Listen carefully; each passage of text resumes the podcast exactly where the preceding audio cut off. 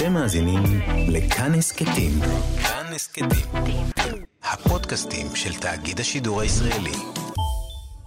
ההמונים, גם להם יש כוח עכשיו לייצר עבודות.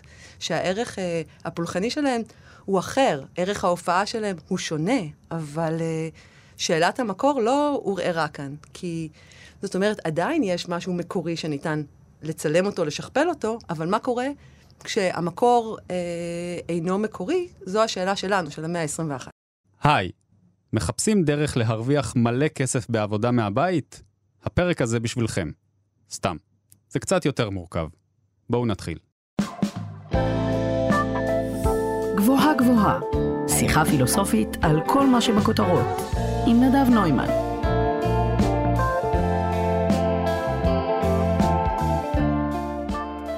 בימים האחרונים כולם מדברים על NFT. הטכנולוגיה שמאפשרת לאנשים להחזיק לכאורה בגרסה מקורית של קובץ דיגיטלי.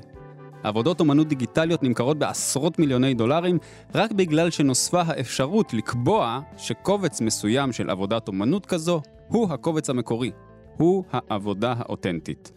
יש כאלה שטוענים שמדובר במהפכה שתשנה את שוק האומנות הדיגיטלית מהקצה לקצה, ויש גם מי שמאמינים שמדובר בהייפ ותו לא. כך או כך, השינוי הזה, האפשרות לתת גושפנקה של מקור לעבודת אומנות דיגיטלית, מעלה שאלות פילוסופיות רציניות לגבי מהותה של האומנות בעידן הדיגיטלי ולגבי העידן הדיגיטלי בכלל.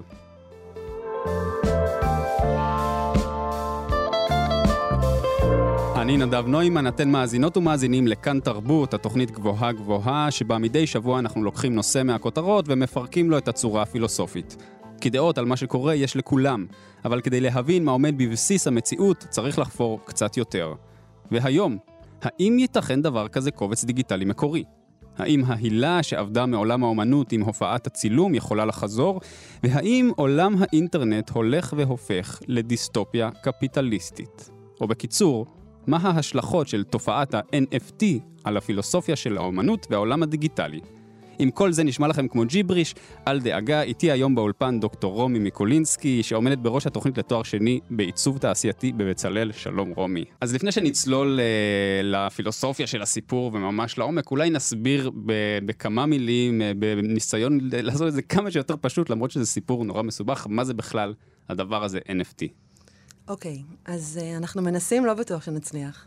ננסה. מדובר על uh, בעצם uh, הטבעה או החתמה של קובץ דיגיטלי מכל סוג. זה יכול להיות טוויט, זה יכול להיות uh, וידאו, זה mm-hmm. יכול להיות מוזיקה, וזה גם יכול להיות כלום, כל דבר שמחליטים לעשות אותו כפורמט, ומעלים אותו לאיזשהו uh, פורמט דיגיטלי חתום, הטבעה. בעצם מייצרים לו ערך דיגיטלי, ערך כלכלי, דרך הפלטפורמה הדיגיטלית, ומציעים אותו למכירה.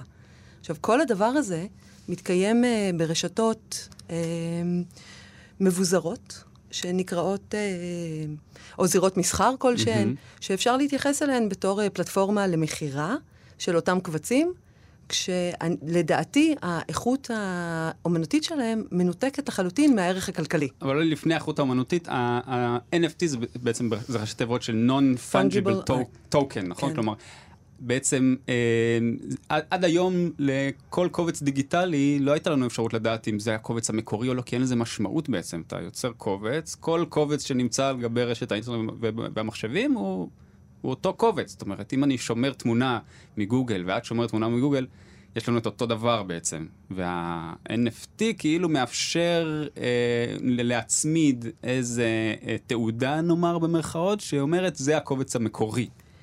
אה, נכון. משהו כזה. זה בעצם אה, לייצר נדירות בצורה מלאכותית. Mm. זה לקחת קובץ שכמותו יש אה, אינסוף, ולהגיד, זה האחד, זה המקורי. וזה לא נכון, כי אין אחד ואין מקורי, וכל מי שמייצר קובץ דיגיטלי או מוריד קובץ מגוגל, מבין שהקובץ של המחשב שלי והקובץ של המחשב שלך, אם הורדנו את אותו קובץ, הם אותו הדבר.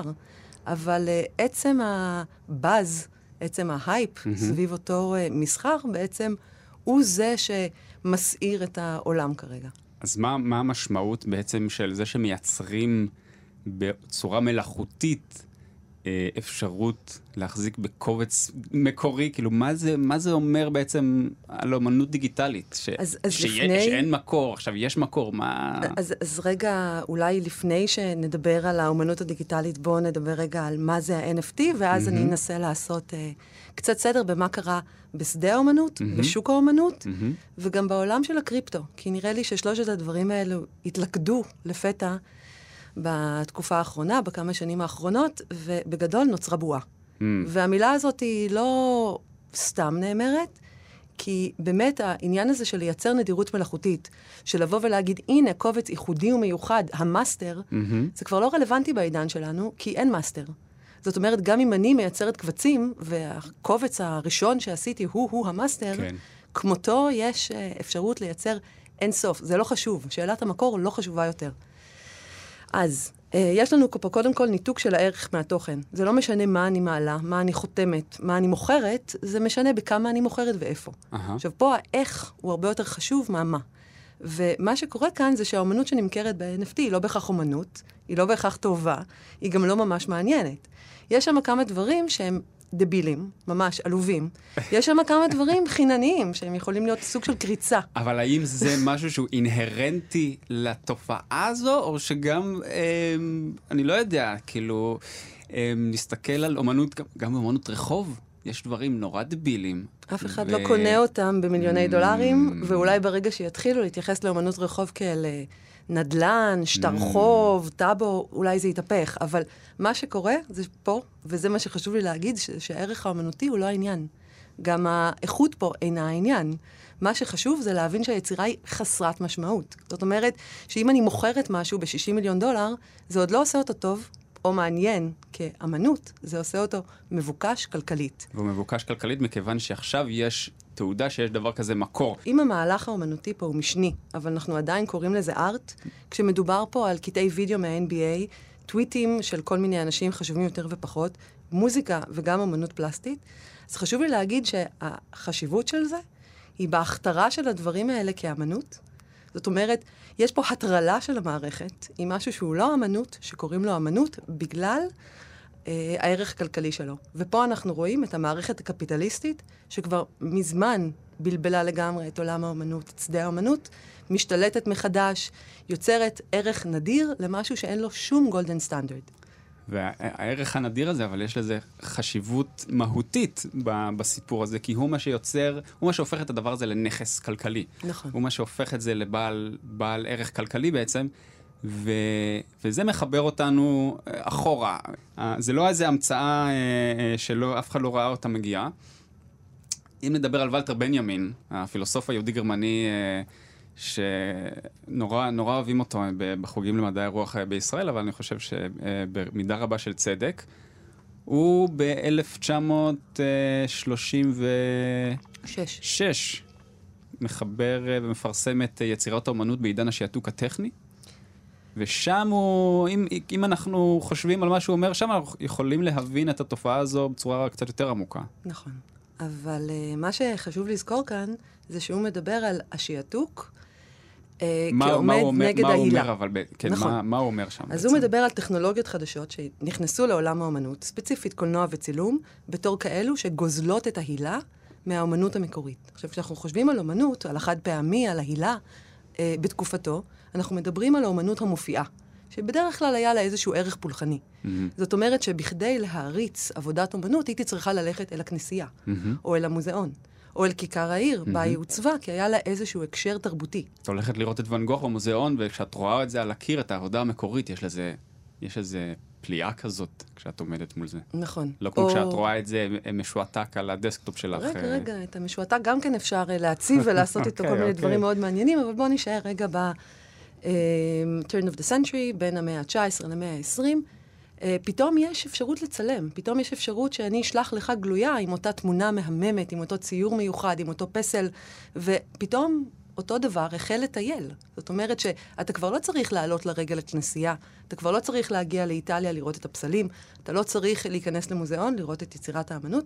אני יכולה לשלוח לך תמונה, מהמם. או יכול במאי וצלם, במאית וצלמת, לצלם את אותה יצירה, והיא מגיעה לכ- לכולם ולכולן. כן. אז מה זה אומר? שאותה יצירה יש לה איזושהי הילה שהיא משתכפלת, כבר לא צריך להתאמץ כדי להגיע אליה. אבל יש פתאום הילה? ההמונים יכולים להעביר את אותו, נקרא לו שבריר, חלקיק מאותה יצירה מקורית מיוחדת לאחרים.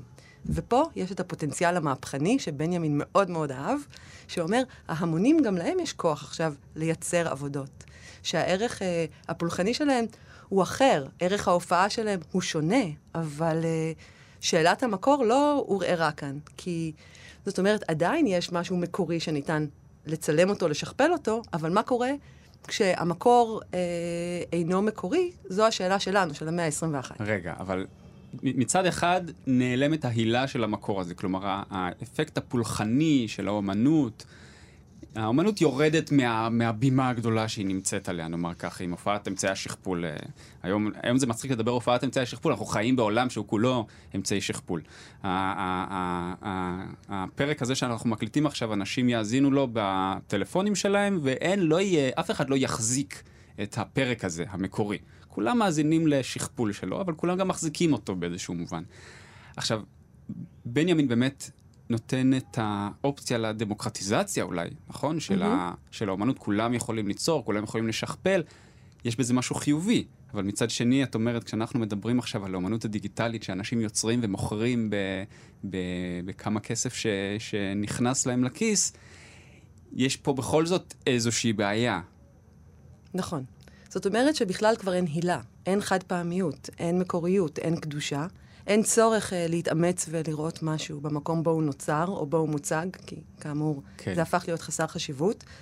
וכל המהפכה פה, אה, ב- ביחס בין ההופעה לפולחן, לאפשרות לייצר את הדימוי, שפעם הייתה מאוד מאוד קשה והיא הרבה יותר אה, מתוחכמת ברוב המקרים מאשר היום, אז יש לנו פה את הסוג החדש הזה של היצירה, שהיא בכ... לא בהכרח אמנות, כאמור, אף אחד לא טוען ש... non-fungible tokens הם רק לאומנות, מהמם. אלא יש לנו כאן שורה של, אה, שורה של אה, מספרים שהם מוצפנים, שניתן למכור אותם, שורות של קוד שנמכרות בין אנשים, ועצם ההכתרה שלהם כאמנות, היא עושה את זה קצת פחות, אה, נקרא לזה, אגבית, קצת פחות משעממת, קצת פחות אה, חשבונאית אפילו, למרות שבסוף מדובר בסוג של מתמטיקה, זה קידוד. אז מוכרים פה קידודים, שלחלקם יש הופעה אמנותית. בואי נתייחס כן לאומנות שנוצרת ונמכרת ככה. מה המשמעות של, של העובדה שאין, אם ניקח ממש אומנות דיגיטלית, שאין לה באמת מקור, מה המשמעות של זה שעכשיו יכול להיות מקור מבחינת ה, האומנות עצמה? האם זה, מש, האם זה משנה משהו? לי לא. זאת אומרת שקורים דברים מאוד מוזרים סביב ה-NFT, שאנחנו גם לא יודעים מי, אה, אני אגיד מילה טעונה, מי שולט בו. מה, מה אומרים שומרי הסף, מי... אה, מי הם שומרי מי הסף? עושים, בדיוק, מי שומרי הסף, מי הרוכשים. אנחנו לפעמים יודעים מי הם המוכרים. יש אה, איזושהי התייחסות לכך שאמנים יכולים למכור את האמנות שלהם, ואולי אפילו להתפרנס ממנה, שלא לומר, הם יכולים לחיות מאוד, מאוד בנוחות. העניין הוא פה שזה באמת אה, הייפ, ואנחנו לא יודעים מה מניע את זה, מה מזין את זה. זה גם קשור לדברים שקורים בעולם האומנות בכמה עשורים האחרונים. אז אנחנו רואים בעשורים האחרונים שעולם האומנות מאוד התעשר. שיש הרבה מאוד רכישות מהמם. ונכנסו הרבה מאוד כספים מהמם. מאסיה, מרוסיה ומנסיכויות הנפט. אנחנו גם רואים מעבר של יצירות אמנות ממוזיאונים במערב נכון, למקומות חדשים. נכון. עכשיו, יכול להיות שאותו כסף גם נכנס ומזין את uh, עולם הבלוקצ'יין, את עולם הקריפטו-ארט, את ה-NFTs, אבל אנחנו לא יודעים. עדיין. עדיין. עכשיו, העניין של אה, לקרוא לדברים האלה אמנות, אני שוב אגיד, זה לא עושה אותו אמנות, זה עושה את זה מסחר. ושוק האומנות אולי זכה לדבר חדש, אבל אין כאן באמת אה, יצירה קונספטואלית. אין פה משהו מאוד מאוד מחוכם. כמו שאמרתי, לפעמים זו קריצה שיש בה איזושהי חינניות, אבל הערכים של העבודה, הערכים של החומר, הערכים של אה, האומן או האמנית שצריכים חומרים יקרים בכדי לייצר עבודת אומנות, לא רלוונטיים כאן יותר. והערך התרבותי, שמה שגרם לאותו מסחר ער בשנים האחרונות שאנחנו שומעים עליו, בעיקר בהקשרים הללו של שוק האומנות, שיצירה מסוימת עולה עשרות מיליוני דולרים, גם הם פחות רלוונטיים, כי אף אחד לא שמע על ביפל, ומעטים שמעו על הניאנקט, ולרוב האנשים גם לא אכפת, הם לא מבינים. אז שוב השיחה סביב האומנות, שכבר הרבה זמן שדה האומנות אה, נקשר בכותרות בעיקר בגלל שוק האומנות, mm-hmm. המסחר בו, כן. היא התבלבלה, והיא עברה לשדה אחר, שבו יש בעיקר מסחר, אין בו אמנות, וזה סוג של אה, ניצול, סיבוב, מסוב, סיבוב נוסף על שדה האומנות, כי האומנות פה לא השחקנית הראשית. אבל אפשר אולי להניח שהכניסה הזאת של הכסף לתחום, וההפיכה באמת של, של האומנות לשוק, היא תשפיע והיא משפיעה על האומנות, מכיוון שאנשים, אומנים, יודעים למשל שמשהו מסוים מוכר, ודאי זה יכול להשפיע, וגם אם אנחנו לוקחים, אה, התחלנו עם בנימין, אבל אם אנחנו לוקחים, הולכים אה, בדרך שהוא התווה להוגים פוסט-מודרניים שהגיעו אחריו, כמו נאמר ז'אן בודריארד, mm-hmm. שמדבר, אה, בודריארד מדבר על, על, על, על הפיכה של כל הדימויים ש, שסביבנו לייצוג ללא מקור, כלומר אנחנו יוצרים דברים ואנחנו מציגים את עצמנו ויוצרים דברים על פי ייצוגים שאנחנו חושבים שהם... ש, שכך הם אמורים להיות במציאות, למרות שאין להם שום uh, מקור שעומד מאחוריהם. וה, וגם ה... אם יש, אותו מקור, כמו המפה של בודריאר, לפעמים מכסה בצורה כל כך טובה את המדינה, שאנחנו בכלל לא רואים את האדמה שעליה אותו, אותה מפה מונחת, כן, זה, והמקור זה, הופך זה, למכוסה. כן, זה המשל היפה של בורכס על, אה, על, על, על אה, יוצר המפות ש... נכון, שהוא, שהוא מגיע לממלכה והוא יוצר מפה כל כך uh, מדויקת של הממלכה שהיא ביחס של אחד לאחד. ואז היא מכסה את כל הממלכה, ואז אנחנו לא באמת יודעים כבר מה... מה הייצוג ומה הייצוג המקור. ומה המקור, וזה... זה, עולם האמנות נכנס פה אולי לאיזה סחרור בגלל הדבר הזה. נראה לי שקשה לחזות את ההשלכות של, ה, של הדבר הזה. אז קודם כל יש פה איזשהו היפוך. קודם מגיע הערך הכלכלי, mm-hmm. ואז עוברים לדבר על הערך האמנותי. מצד שני, ופה אני רוצה לעבור ברשותך לנושא נוסף, mm-hmm. יש פה איזושהי אוטופיה. עכשיו מדברים גבוהה גבוהה, בכאן תרבות.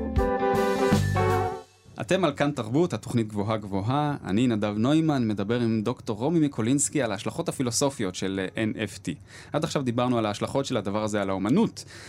אה, אבל יש פן נוסף שחייבים לדבר עליו, והוא האינטרנט עצמו. כי האינטרנט נולד והתפתח כמרחב אה, אנרכיסטי, אוטופי, אנונימי, חף מבעלות על דברים, הייתה בו איזו הבטחה מאוד uh, גדולה שאולי לא לגמרי מחוברת uh, למציאות, אבל זו הייתה ההבטחה של האינטרנט. איפשהו בדרך uh, הוא לקח פנייה חדה ימינה, נכון? נכנסו חברות מסחריות, uh, הוא, הוא, הוא נכנס uh, לעולם הקפיטליסטי, או העולם הקפיטליסטי נכנס אליו, ו... הפך, היום המצב שבו אנחנו נמצאים באינטרנט הוא מצב מאוד מאוד שונה מאיך שחלוצי האינטרנט אה, דמיינו אותו. עכשיו, ה-NFT נכנס בנקודה מאוד מעניינת, אבל בואי נלך רגע אחורה, ונדבר על מה, איך, איך, מה, איך דומיין האינטרנט בשנותיו הראשונות, ומה קרה, ולאן הגענו היום עם הדבר הזה. אוקיי, okay, אז עוד לפני שהאינטרנט נוסד, היו כל מיני חלומות על שיתופיות, mm-hmm. וכל מיני, בעיקר אה, סופרי מדע בדיוני, דיברו על המוח הגלובלי, המוח האנושי.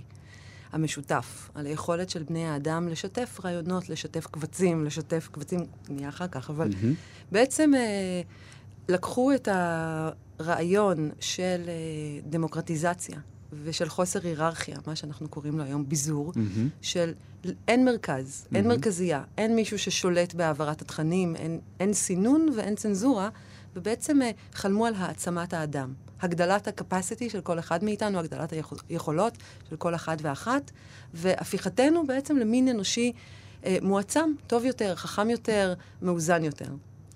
אפס, דברים לקחו אה, תפנית אה, אחרת, מעניינת. אה, אני חושבת שחשוב מאוד לציין שכשהאינטרנט החל, הוא החל במימון מאוד מסיבי של הצבא. צבא אמריקאי. הצבא האמריקאי, והוא התחיל באוניברסיטאות. זאת אומרת שאנשי צבא אה, ואקדמאים עבדו... אה, אבל היה שם ש... חיבור מעניין, זה היה אנשי צבא, ומצד שני באוניברסיטאות ישבו כל מיני היפים אה, מגודלי שיער שנורא התלהבו מ... או לצידם, כי במחלקות כן. למחשבים באותה תקופה, ותקשורת, אה, וכל אותם אנשים שבאמת בנו את האינטרנט, היו, היו קצת פחות היפים. הרעיונות ההיפים קרו ליד, במקביל זה אותם אנשים שקראו את uh, Whole Earth Catalog. בעצם מסתבר ששני הקהלים, גם אלה שרצו להקים עולם חדש וטוב יותר בטבע, וגם אלה שחשבו שהם מקימים עולם חדש וטוב יותר, וגם יעיל יותר באקדמיה. הם קראו את אותם טקסטים, הם נחשפו לאותם דברים. אבל כן, התפיסה... כן, הרעיונות האוטופיים של, של סוף ה-60, נכון. משם זה נולד. נכון. אבל uh, כשהגיע סר ריצ'רד ברנרס לי בשנות ה-90, והוא אמר, אני משחרר את האפשרות לכל אחד לפתוח אתר ולחבר אותו, ואותם אתרים יהיו שווים, לא משנה אם אני, אתה, mm-hmm. או כל אדם מכל מקום, mm-hmm. uh, מאלה שפתחו אותו, הוא בעצם ייצר דרך קישוריות אפשרות לשוויון. ואותו שוויון הוא-הוא ההבטחה ואותה דמוקרטיזציה, כי זה לא משנה אם אני יודעת לקרוא או לכתוב, אם אני יודעת עברית או סווהילית, יש לי את האפשרות להביע את דעתי. זה היה נורא מרגש, אני זוכר את עצמי בתור ילד באינטרנט אה, של אה, תחילת שנות ה-90, אמצע שנות ה-90, זה היה ממש, המונח לגלוש היה כל כך רלוונטי, אתה גלשת בין אתרים מוזרים. אה, דברים uh, הכי ביזאריים שיש, בניתי אתרים נורא משונים, זאת אומרת, זה באמת היה מרחב כזה... נכון, וגם היו פורומים, אנשים כן. שהם uh, נהנים מאותם דברים, בין אם זה ממוזיקה, מספרות או מגידול הפקעות צבעונים. והיינו יכולים להיות אנונימיים, עם, נכון. לא בשמות שלנו. נכון, והאנונימיות היא מאוד מאוד חשובה כאן, כי האינטרנט, או אפילו המרחב הדיגיטלי, מרחב הסייבר, כמו שקראו לו בתחילתו, דומיין כמרחב ללא ממשלות, ללא שליטה. אה, גם ללא זהות קונקרטית. זה לא חשוב מי אתה ומי את, זה לא חשוב איפה גרים, לא חשוב במה מאמינים. תמיד יהיה מישהו שיוכל לדבר איתך, וזה מרחב שממש ניסו לגרש ממנו ממשלות, ממשלות ותאגידים. כן, יש את uh, המניפסט ה cyber space. Uh, נכון. שממש מדבר על זה שממשלות, אנחנו לא רוצים אתכם כאן. כן, בנקים צאו. כן, צאו. ואותו מניפסט אה, שנהגה ובכוונה אה, הפך להיות טקסט מכונן, אה, הוא היה מאוד מאוד נאיבי. הוא בעצם אה, בא לומר, אנחנו מייצרים עולם חדש, mm-hmm. עולם שהפיזיות בו אינה חשובה. וכאמור, הדעות של כל אדם הן שוות ערך, אין צורך אה, להגביל אף אחד. האנשים יסתדרו לבד, זאת אומרת, אין צורך ברגולציה. ופתאום אנחנו רואים כאן, כעבור כמה עשורים, המצאות אה, יחסית חדשות כלכליות שמסדירות מחדש, גם ללא רגולציה קונקרטית, לא של ממשלות, וזה גם מחוץ לבנקים. יש פה איזשהו חוזה חדש בין בני האדם. ואנחנו שומעים הרבה על הביטקוין, שאנחנו מבינים שהוא כל הזמן עוד מתייקר. עוד לפני הביטקוין, אבל אני חושב שאנחנו צריכים, ל... כלומר, משהו קרה אפילו ב... 2005, 2006, זאת אומרת, זה לא כזה מזמן שנכנסו אה, פייסבוק, ואינסטגרם וטוויטר וגוגל, והפכו את הכל למאוד תאגידי, מאוד ממוסד. נכון. כאילו, איפה ההבטחה של... אה, רציתי לקפוץ עשור, כי לא ידעתי אם יש לנו זמן, אז כן, אז בעצם קרתה פה תופעה שאפשר לקרוא לה התאגדיזציה mm-hmm. של רשת האינטרנט, ואנחנו רואים פה תאגידים שמתנהלים כמו מדינות, שלפעמים יש להם ממש יחסים עם מדינות, אוסרים על פייסבוק להיכנס למקומות מסוימים, גוגל אין לה רשות אה, כניסה או דריסת רגל בכלל. ואנחנו המשתמשים, אנשים שהם ה-owners אה, המשותפים של האינטרנט, הפכנו למין אזרחים במדינות, אזרח במדינת גוגל, אזרח במדינת פייסבוק, יש לנו אה, משתמש, תמונה, פרופיל, אנחנו כמו אז, אה, בהתחלה, שכפולים על שכפולים. אנחנו אכן שכפולים על שכפולים, ואנחנו בעיקר המוצר. יש איזשהו משפט מאוד ידוע שאומר, אם אתה לא משלם, אתה המוצר. Mm-hmm. ואני חושבת שהמהפך הזה באמת מאוד קשור ליכולת לזהות משתמש או משתמשת, שלא לומר על המילה הזאת, אם משתמש, משתמשת, היא מאוד מוזרה. כן. בדרך כלל יש משתמשים בעיקר בעולמות הסמים, כן. אה, אבל אנחנו גם משתמשים באינטרנט. זאת אומרת שכשאנחנו נכנסים לאותם תאגידים, אנחנו חותמים על אה, הסכמים, שהם הסכמים חוזיים מחייבים, ואנחנו לא תמיד יודעים למה נכנסנו. אבל אנחנו מניחים שאותו חופש שהבטיחו לנו, האפשרות תמיד לעלות, לא להיות בודדים, לפגוש אנשים שחושבים כמונו, היא עדיין קיימת, אבל היא משויכת לאני. זאת אומרת שאם בשנות ה-90 יכולתי להיות אה, גם אה, גמד וגם ענקית, גם אה, אה, איש אה, מסין וגם אה, אישה מנורבגיה, היום הזהות שלי היא מקובעת. היא מקובעת לאני, היא מקובעת לחשבון... אה, אה, אימייל, היא לפעמים גם מקובעת לכרטיס אשראי. ובגלל זה גם הרבה אנשים חושבים שהפכנו להיות, לצערנו, אייבורס עם uh, כרטיסי אשראי. זאת אומרת, הפכנו אנחנו, להיות... אנחנו מין uh, היצורים האנושיים שהמכונה במטריקס ניזונה מהם באיזשהו... אם, אם, אם לוקחים את זה עוד קצת... עוד קצת קדימה קדימה לדיסטופיה. אז אנחנו עוד לא מחוברים בצורה שבלתי נמנעת להעתקה. אנחנו יכולים להשתחרר מהמכונה, אנחנו עדיין לא במטריקס. אנחנו יכולים לבחור איפה אנחנו ומה אנחנו. אף אחד לא מכריח אותנו שום דבר, אלא אם אנחנו בסין ושם יש מנגנוני אזרחות מאוד משונים וגם כן. קפיטליסטיים. כן. אבל זה כן משנה את התודעה שלנו. זאת אומרת שהשימוש הזה בחברותיות אה, הממוכנת, החברותיות המקושרת, גורמת לנו כל הזמן לצפות לאינטראקציות שלא בהכרח קורות במציאות, ועושה את המיידיות שלה, וגם האופן שבו היא הונדסה, למאוד מאוד מפתה. עכשיו, אותן אינטראקציות אה, דיגיטליות הן לא בהכרח פחותות בעוצמתן או במשמעות שלהן או בחשיבות שלהן מאלה אה, שקורות אה, ביום-יום, במציאות הלא מקוונת, אבל הן הרבה יותר מושכות, כי הן הונדסו כך שנימשך אליהן. אז אני אחזור אה, לעולמנו כן, האומנותי, כן, ה-NFT, כן. כי אני באמת יכולה לדבר הרבה שעות על הדברים הללו. עכשיו, הגענו ל-2021. נכון, אז הגענו ל-2021, או שנתיים-שלוש קודם, ואנחנו רואים אה, תופעה חדשה וקצת משונה, שבעצם אה, אנשים, כל מיני אנשים יצירתיים, רוצים לייצר... Uh, אני, אני חוזרת בכוונה ל-NFT ואני תכף mm-hmm. אלך לבלוקצ'יין, mm-hmm. הם רוצים לייצר ערך חדש, הם רוצים לחתום סדרות. עכשיו, את אותו היגיון של uh, מדיה משוכפלת, אנחנו מכירים כבר מהצילום, אנחנו מכירים מסדרות, אנחנו מכירים מהדפסים. אפשר למכור את הדברים האלה כשהם ממוספרים. אבל באו uh, כל מיני uh, uh, הוגים ויוצרים ואמרו, בואו ננסה לעשות איזשהו ניסוי ונמספר דברים ונמכור אותם בבלוקצ'יין. רגע, זה מצריך גם כן הסבר, בלוקצ'יין. נכון.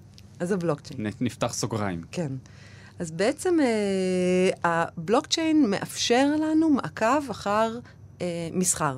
מסחר במטבעות דיגיטליים, mm-hmm. מטבעות מוצפנים. כן. עכשיו, על פניו כל אחד יכול לקנות מטבע דיגיטלי, והערך שלו הוא משתנה, כמו שאנחנו שומעים, אה, על פי זירות המסחר שלו. אבל uh, אנחנו שומעים גם הרבה מאוד על זיופים ועל פריצות ועל אנשים ששוכחים את המפתח לארנקים שלהם, אותם ארנקים מוצפנים, אותן שורות קוד שיש להן איזשהו uh, ערך מקוון שצמוד אליהן. והפרוטוקולים האלה שבאו להיות, uh, לייצג כל מיני העברות כספים והנפקות כספים, הפכו ונהיו מאוד מאוד מסובכים. זה בעצם בבלוקצ'יין אפשר לעקוב אחרי, אחרי כל מיני רכישות, ויש שם את הפרוטוקולים של העברות המטבע, ואפשר לקנות הרבה מאוד דברים באמצעות אותם מטבעות, ויש כל מיני מטבעות ויש הרבה זירות מסחר. העניין uh, של האוטופיה כאן נכנס באמצעות uh, מחשבה על, על uh, מערכת חלופית, מערכת שהיא מבוזרת, מערכת שהיא עולמית, אבל היא לא נשלטת על ידי בנקים והיא לא נשלטת על ידי מדינות. זה כאילו מזכיר לנו את, ה, את החלום הגדול של האינטרנט. נכון, את ההתחלה של הרשת שבה חשבו שכל אחד מכל מקום יכול ליהנות מכל דבר. כן. או לפחות מאפשרות הגישה לכל דבר. איי, חלום. ופתאום זה מאוד איים על הבנקים. ופתאום זה הפך להיות גם מין דבר שהרבה אנשים רצו להיכנס פנימה, אבל אין להם את האפשרות להבין עד הסוף את התהליכים פה, ובעצם בני האדם, הסוחרים הפשוטים, אה, הם לא מבינים את המורכבות הגדולה של אה, אותו, אותו עולם אה, חישובי, מתמטי, mm-hmm, הם, mm-hmm, לא, הם לא מבינים mm-hmm, את התהליכים. אבל בכל שלב יש מישהו שגוזר קופון. עכשיו, אותו חופש, אותו יומן עסקאות, הוא כן מנוהל על ידי איזשהו בית, על ידי איזשהו בית מסחר. ואותו בית מסחר נהנה מכך שבכל אה, העברה, בכל תנועה, הוא מרוויח. Mm-hmm.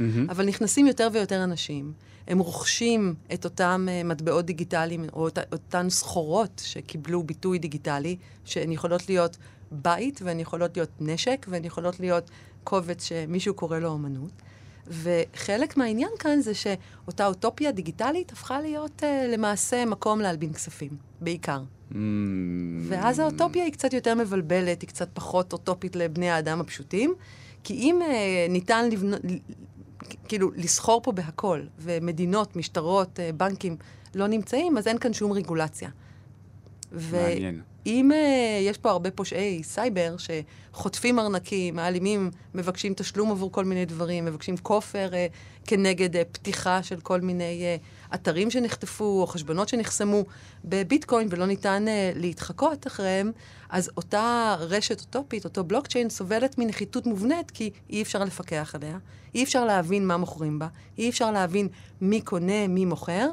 ואותה אוטופיה של אה, מערכת חלופית היא לא עובדת. זאת אומרת שאין בה שום פיקוח, יש בה העברות כספים רבות, אבל uh, גם אי אפשר להבין מי הספקולנטים ומי באמת מאמינים בזה, מי מבינים בזה ועל מי עושים סיבוב. זה מין uh, טכנולוגיה שהיא היא, היא מטרילה אותך מראש באיזשהו מובן, אבל אז עכשיו הכניסה של, של NFT של האפשרות אה, לתעודת אה, מקור על, אה, על קבצים, היא, הרבה אנשים מהללים אותה כעוד שלב, כן, שלב אוטופי בדבר הזה. מה שאני מתכוון לומר זה שיש כאן כל הזמן מתח בין ה... האוטופיה האנרכיסטית, החופשית, נכון. המוחלטת, לכן קפיטליזם אלים כמעט. אז אה, אם אנחנו מתייחסים באמת לקריפטו-ארט ול-NFT בתור אה, סוג של תופעה ניהיליסטית, אנרכיסטית, שבאה להטריל את עולם האומנות... הרי אומנות דיגיטלית מראש יש בה איזה אלמנט אנרכיסטי. תמיד אה, אומנים דיגיטליים, כשאני מדבר על האינטרנט המוקדם, היה כן. בזה איזה חידוש, איזה משהו אה, מופרע כזה. אה, נכון, ו... בדומה לאומנות קונספטואלית. זאת אומרת שאם אנחנו מסתכלים על ה-ready made שהתחיל לפני האומנות הדיגיטלית, mm-hmm. ועל אומנות קונספטואלית, שגם לה יש שורשים די מוקדמים, ואנחנו חוזרים לאומנות הדיגיטלית בתור הממשיכה שלהם, אנחנו יכולים לראות ביסודות מאוד מאוד מתוחכמים ואינטלקטואליים. לא תמיד אומנות דיגיטלית היא בהכרח פורצת דרך או חתרנית. ברור. אבל מה שקורה כאן, ב, אני, אני אומרת את זה שוב, בעולם ה-NFT, בעולם האמנות כביכול, אמנות לכאורה, אנחנו בעצם אה, רואים פה תגובת נגד שהיא יוצאת עלק כנגד הממסד, כי mm-hmm. אין פה שומרי סף.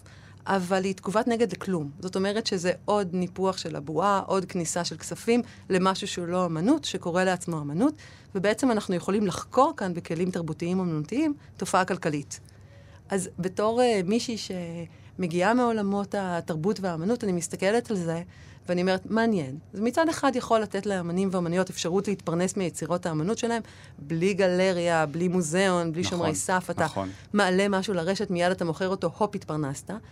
Uh, כל אחד ואחת יכולים uh, לעשות את זה, אבל כן צריך פה הבנה של אותו עולם, וכן קורות פה תופעות מאוד מוזרות, שהן קשורות uh, דווקא ליח"צ, דווקא לתהודה של זה.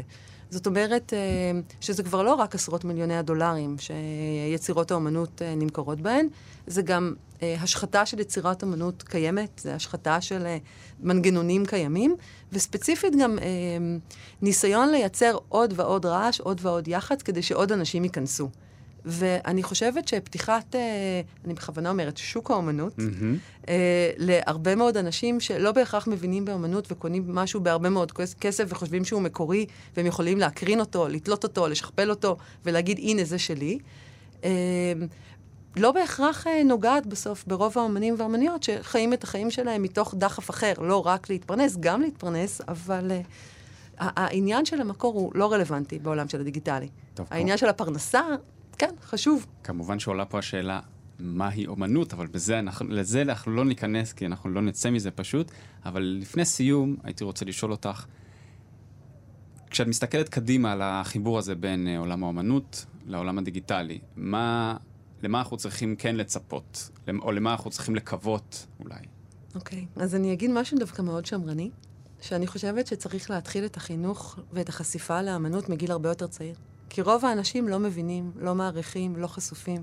ובשונה ממדינות אחרות, שבהן רואים הרבה יותר ילדים וילדות הולכים אה, עם הבית ספר ועם ההורים למוזיאונים, האמנות היא לא נגישה, אנשים לא מבינים אותה. וגם כשהזכרת אמנות אה, כאמנות רחוב, אז, אז רוב האנשים לא באמת מבינים, לא באמת מתעניינים, וזה נהיה עוד דבר. אז אם אתה שואל אותי לאן אה, אמנות צריכה ללכת, זה הכרה בזה שהאמנות היא לא בישול, והיא לא כל סוג של תרבות, ולא כל אחד יכול להיות אמן, אלא אנשים שחונכו לזה, מבינים את זה, וגם הייתי רוצה לראות יותר הערכה. ובעולם הדיגיטלי ספציפית? בעולם הדיגיטלי. אז תראה, יש המון המון יצירות אמנות שעולו לרשת. יש מוזיאונים שלמים שנמצאים ברשת וניתן ללמוד לבד. שוב חוזר לאותו עניין של חשיפה וחינוך, אבל גם סקרנות, בלי מסגרת, יכולה להוביל אותנו לכאן. ואנחנו יכולים ללמוד המון וליצור המון. זה עדיין לא עושה אותנו אמנים ואמניות, בטח לא טובים, אבל אנחנו כן יכולים לנסות ולהתנסות ולנסות להבין את ההבדלים, וגם ללמוד על התפקיד החברתי שהיה אה, לאמנים ואמניות ולכל מיני מגמות אה, אמנותיות בעבר, שלצערי הרבה פחות אה, נחוות היום. זאת אומרת שההובלה החברתית-תרבותית היא כבר לא אצל אמנים. היא אצל שפים. נאמר, את אופטימית או פסימית ביחס לחיבור הזה בין העולם הדיגיטלי לא, לאומנות? את חושבת שעוד יצאו מזה דברים שאנחנו אה, נשמח עליהם, או שזה רק הולך למקום... אה... אה, לא דיברנו בכלל על AI ועל יצירה באמצעות מחשוב. שזה הרבה יותר מעניין אותי אישית בהקשר ליצירתיות ובהקשר לקשר של בני אדם ומחשבים, מאשר ההחתמה הדיגיטלית ויצירת נדירות מלאכותית. Mm-hmm. אז אני אופטימית מאוד. אנחנו גם לא דיברנו על המחירים הסביבתיים של ה-NFT שעושים נכון. אותי מאוד מאוד פסימית, אבל uh, אני חושבת שהמין האנושי הוא מין יוצר ומין מתפתח, מין שממציא את הכלים שלו. אז התופעה הזאת, שהיא בועה, שהיא מסחר, שיש בה אמנות שאינה אמנות, שבעצם uh, שוק ההון קפץ לעולם האמנות בכדי לייצר עוד ערך, זה משהו, זה יחלוף, לדעתי. Mm-hmm. Uh, אני מאוד אופטימית לגבי האפשרות של היצירה עם הדיגיטלי, ואני גם מאוד סקרנית לראות איך הוא ישפיע על, על היום-יום הלא מקוון, הפיזי, שגם הוא לפעמים הולך ומתחבר יותר ויותר עם הדיגיטלי. יפה. Uh, תודה רבה, דוקטור רומי מיקולינסקי. תודה רבה, נדב נוימן. אנחנו סיימנו. את כל הפרקים של גבוהה גבוהה אפשר לשמוע ביישומון ובאתר של כאן, או בכל אפליקציה שבה אתם נוהגים להאזין להסכתים. אני מזמין אתכן גם להצטרף לקבוצת הטלגרם של התוכנית לעדכוני פילוסופיה והרחבות על הנושאים שעליהם אנחנו מדברים, פשוט חפשו גבוהה גבוהה בטלגרם. ואם אתן רוצות להרחיב עוד בנושאים שעליהם דיברנו היום, אפשר לקרוא את הספרים הבאים. יצירת האומנות בעידן השעתוק הטכני מאת ולטר בנימין כמובן, זה יצא בעברית בהוצאת הקיבוץ המאוחד. המדיום באומנויות, סוגיות אסתטיות ותרבותיות מאת חנה הרציג, זה יצא באוניברסיטה הפתוחה. TAZ, אזור אוטונומי ארעי מאת חכים ביי ברסלינג. וכמה ספרים באנגלית שמי שרוצה להרחיב עוד אה, מוזמן מאוד לקרוא אותם. נוגעים uh, לעולם האינטרנט ולהתפתחות שלו, What the Dormouse Said מאת ג'ון מרקוף, ושני ספרים של תיאורטיקן המדיה דגלס רשקוף שמשלימים זה את זה, סייביריה האוטופי מתחילת שנות ה-90 וטים יומן מ-2019. זהו, אני מקווה שנהנתם, תודה ולהתראות.